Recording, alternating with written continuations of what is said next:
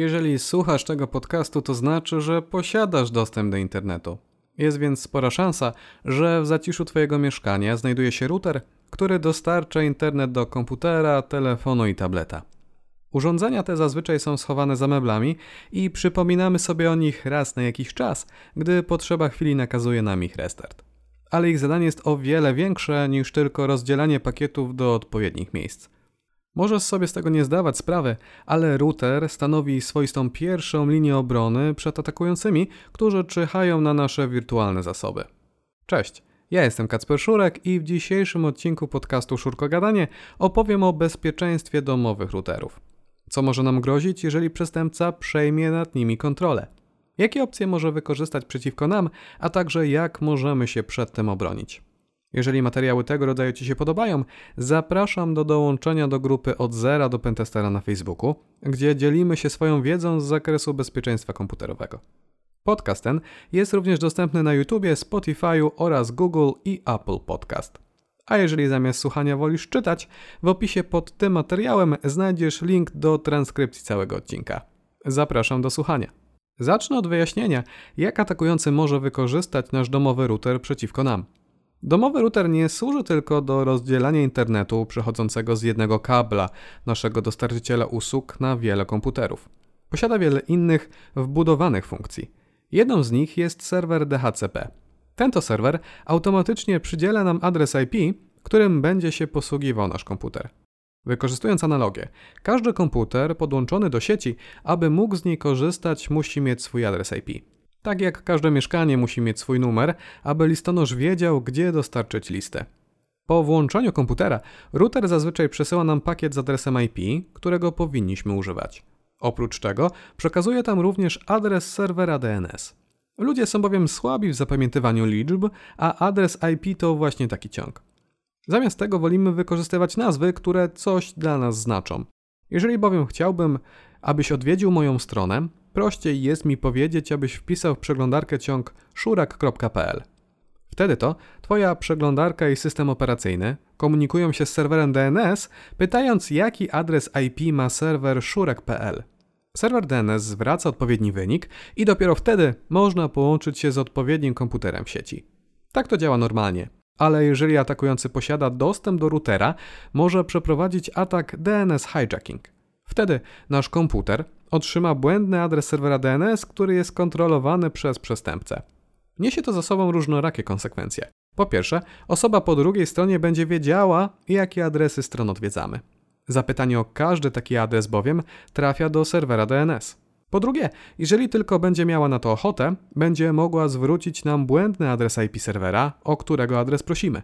Czyli zamiast łączyć się z serwerem naszego banku, możemy połączyć się z komputerem atakującego. Ale atak może się także odbywać na innej płaszczyźnie. Przez router przepływa bowiem cały ruch internetowy. Złośliwy aktor może dla przykładu modyfikować treść dowolnej strony, oczywiście o ile nie jest zaszyfrowana, którą przeglądamy, doklejając do niej nowy kawałek kodu. Ten to może wykonywać najróżniejsze czynności. Logować wciśnięte klawisze, kopać kryptowaluty, czy też modyfikować podawane w formularzach dane. Wszystko zależy od inwencji twórcy. Jeżeli ściągamy jakiś plik z serwisu, automatycznie w locie może podmienić jego zawartość na inną wygenerowaną przez niego. To może prowadzić do dalszej infekcji nie tylko naszego routera, ale także systemu operacyjnego na komputerze. Wszak ściągnęliśmy plik ze strony, której ufamy i nie spodziewaliśmy się, że mogła ona zawierać jakieś złośliwe elementy. Te ataki są niwelowane przez protokół HTTPS i szyfrowanie połączenia. O ile bowiem atakujący może podmienić adres IP w odpowiedzi serwera DNS, to nie może stworzyć odpowiedniego certyfikatu. Więcej o tym temacie opowiadam w innym podcaście na temat protokołu HTTPS. Tylko to zabezpieczenie działa jedynie w przypadku protokołu HTTPS. Musimy więc być tego świadomi. Ale atak może zaszkodzić nie tylko nam. Na świecie istnieje bowiem miliony routerów. Znajdując błąd w jednym z nich, atakujący może zaatakować wszystkie z danej serii, a następnie wykorzystać je do niecnych celów. Jednym z takich celów jest atak DDoS, kiedy to wiele różnych routerów wykonuje zmasowany atak na jedną stronę internetową. Cel jest prosty: doprowadzić do tymczasowej awarii strony, tak aby nie mogli z niej korzystać inni użytkownicy. Nie brzmi to jakoś złowrogo, ale zastanówmy się nad potencjalnymi konsekwencjami. Przed nami czarny piątek. Jeden z lepszych okresów dla wszystkich sklepów internetowych, gdzie sprzedaż produktów trwa w najlepsze. Kilkuminutowy atak podczas takiego dnia to już realne straty dla sklepów liczone w setkach złotych. Ale to nie wszystko. Do niektórych routerów można podpiąć zewnętrzne dyski twarde oraz drukarki. Dzięki temu wszyscy domownicy mają dostęp do ważnych dla nich plików w obrębie całego mieszkania. To samo tyczy się atakującego, który może wykorzystać tak zebrane informacje do podszycia się pod nas lub do szantażu. Może również dla żartu uruchomić drukowanie tysiąca stron w nocy na naszej domowej drukarce. Dalej, routery posiadają wbudowaną zaporę sieciową. Ona to działa trochę jak zawór jednostronny. My możemy łączyć się z zewnętrznymi stronami i oglądać ich zawartość. Ale równocześnie zewnętrzne podmioty nie mogą bezpośrednio łączyć się z naszymi komputerami, ponieważ nie pozwala na to firewall. Atakujący odpowiednio modyfikując konfigurację może umożliwić dostęp do naszych komputerów. Często zdarza się, że w obrębie sieci lokalnej udostępniamy niektóre pliki z naszego komputera tak, aby inni użytkownicy mieli do nich dostęp. Teraz, po zmianie konfiguracji, dostęp do nich jest możliwy również z zewnątrz. Jak widać, zagrożeń jest wiele, wszystko zależy od kreatywności przestępców. Wiemy już, że router należy chronić. Ale jak to robić? Jeżeli korzystasz z Wi-Fi, włącz szyfrowanie WPA2 z ASM. Co więcej, hasło tam używane powinno być długie i skomplikowane. Dlaczego? Ktoś, kto będzie chciał skorzystać z Twojego Wi-Fi do niecnych celów, nie musi cały tydzień siedzieć w samochodzie pod Twoim blokiem. Wystarczy, że raz pójdzie wyprowadzić psa z odpowiednim sprzętem. Ten sprzęt pobierze odpowiedni pakiet. Można go potem wykorzystać do przeprowadzania ataków siłowych w domu bez dostępu do routera. Jeżeli więc nasze hasło ma tylko kilka znaków, szybko zostanie złamane.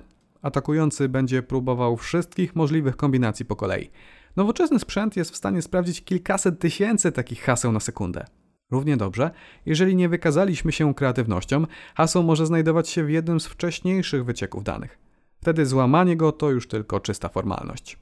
Dzięki temu ktoś otrzyma dostęp do naszej sieci lokalnej, a to oznacza, że ma bezpośredni dostęp do naszych komputerów. Jeżeli ich nie aktualizujemy, bądź znajdują się tam stare wersje podatnych programów, możemy być narażeni. Co więcej, ktoś może wykorzystać nasz internet i przeprowadzić jakąś nielegalną czynność. A wtedy to do naszych drzwi zapuka policja z prośbą o wyjaśnienia. Nazwa sieci nie powinna bezpośrednio wskazywać na naszą osobę. Sieć Kowalskiego to niekoniecznie dobry pomysł, zwłaszcza, że istnieją projekty, które zbierają informacje na temat dostępnych w danej lokalizacji sieci Wi-Fi. Informacje te służą niektórym usługom do geolokalizacji użytkownika, kiedy to sygnał GPS nie jest dostępny. Okazuje się bowiem, że skanując listę dostępnych w danym terenie sieci i porównując ją z wirtualną bazą, możemy z dużą dozą prawdopodobieństwa określić, gdzie znajduje się dany użytkownik. Nazwy sieci w skali świata rzeczywiście się powtarzają, ale już ich kombinacje, czyli fakt, że w danym miejscu użytkownik widzi sygnał sieci Kowalski, Test i Kwiatek, niekoniecznie. Pozostając w temacie haseł, warto zmienić login i hasło do interfejsu graficznego urządzenia, tak aby przestała działać standardowa kombinacja admin-admin. Równocześnie dostęp do interfejsu graficznego powinien być dostępny tylko od strony portów LAN. Tłumacząc to nieco prościej. Tylko z poziomu naszego mieszkania powinniśmy móc zalogować się do panelu admina. Można to łatwo sprawdzić, korzystając na moment z internetu mobilnego w naszym telefonie.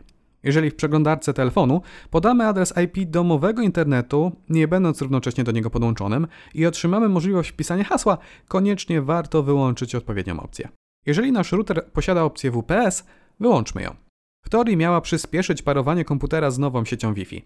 Zamiast przepisywać długie i skomplikowane hasła, wystarczył krótki PIN lub wciśnięcie przycisku na obudowie urządzenia. Obecnie standard ten uznawany jest za niebezpieczny i powinno się go wyłączyć. Możemy również zmienić adres serwera DNS na taki, który zapewni nam odpowiednią dawkę prywatności. Jednym z wyborów może być 1.1.1.1 należący do Cloudflare. Kolejny protokół, który należy wyłączyć to UPnP. Został on stworzony dla wszystkich urządzeń IoT, które znajdują się w naszych mieszkaniach. Mowa tu więc o wszystkich inteligentnych czajnikach, oczyszczaczach powietrza czy też odkurzaczach. One to, wysyłając odpowiednie dane do routera, mogą odblokować odpowiednie porty na firewallu tak, aby mogły działać prawidłowo. Tylko, że urządzenia IoT nie słyną z dobrego bezpieczeństwa. Umożliwianie dostępu do nich z zewnątrz niekoniecznie jest najlepszym pomysłem, zwłaszcza jeżeli nie jesteśmy w pełni świadomi tego faktu, a czynność ta dzieje się bez naszego udziału. Porty te można również odblokować samemu. Zazwyczaj opcja ta kryje się pod nazwą port forwarding. Jeżeli nigdy z niej nie korzystałeś, sprawdź, czy nie znajdują się tam jakieś dziwne wpisy. Droższe routery pozwalają na stworzenie dodatkowej sieci Wi-Fi, tak zwanej sieci gościa.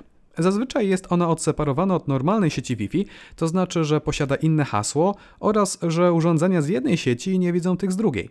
Teoretycznie sieć taka powstała, abyśmy mogli udostępnić domowy internet naszym gościom, którzy przyszli na kilkugodzinną imprezę na nasze mieszkanie.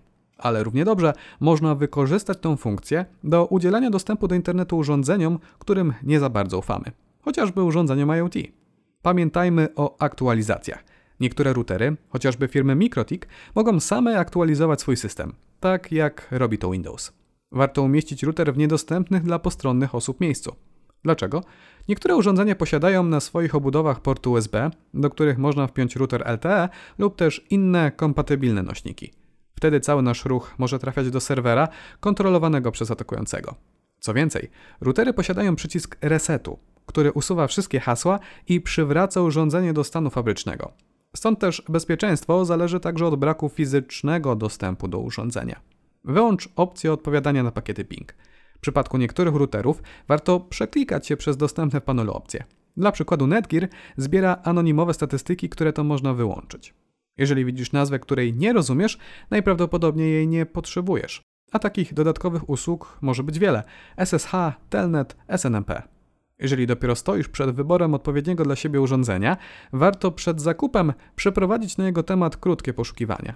Wystarczy w wyszukiwarce użyć nazwy modelu i dodać słowa kluczowe exploits, bug, vulnerability. Dowiesz się wtedy, czy na urządzenie nie ma obecnie jakiejś znanej, a nie naprawionej przez producenta luki. Urządzenia tego typu często mają dość krótki czas życia. Zdarza się zatem, że błąd istnieje, został zgłoszony, ale producent nie zamierza go naprawić. Dlatego też warto sprawdzić, czy producent wydaje regularne aktualizacje oprogramowania. Samo istnienie błędu to nie koniec świata, błędy bezpieczeństwa zdarzają się każdemu. Ważne jest natomiast, jak szybko producent na nie reaguje i czy udostępnia odpowiednie łatki bezpieczeństwa. Większość urządzeń pozwala na zapisywanie logów ze swojego działania, w tym zdarzeń dotyczących bezpieczeństwa. Ale nie oszukujmy się, panel sterowania routerem to nie jest pierwsze miejsce, do którego trafiamy każdego poranka. Można więc rozważyć opcję wysyłania e-maila w przypadku specjalnych zdarzeń. Sporo urządzeń pozwala na podglądanie aktualnie podpiętych poprzez Wi-Fi komputerów, w tym nazw, którymi się one posługują.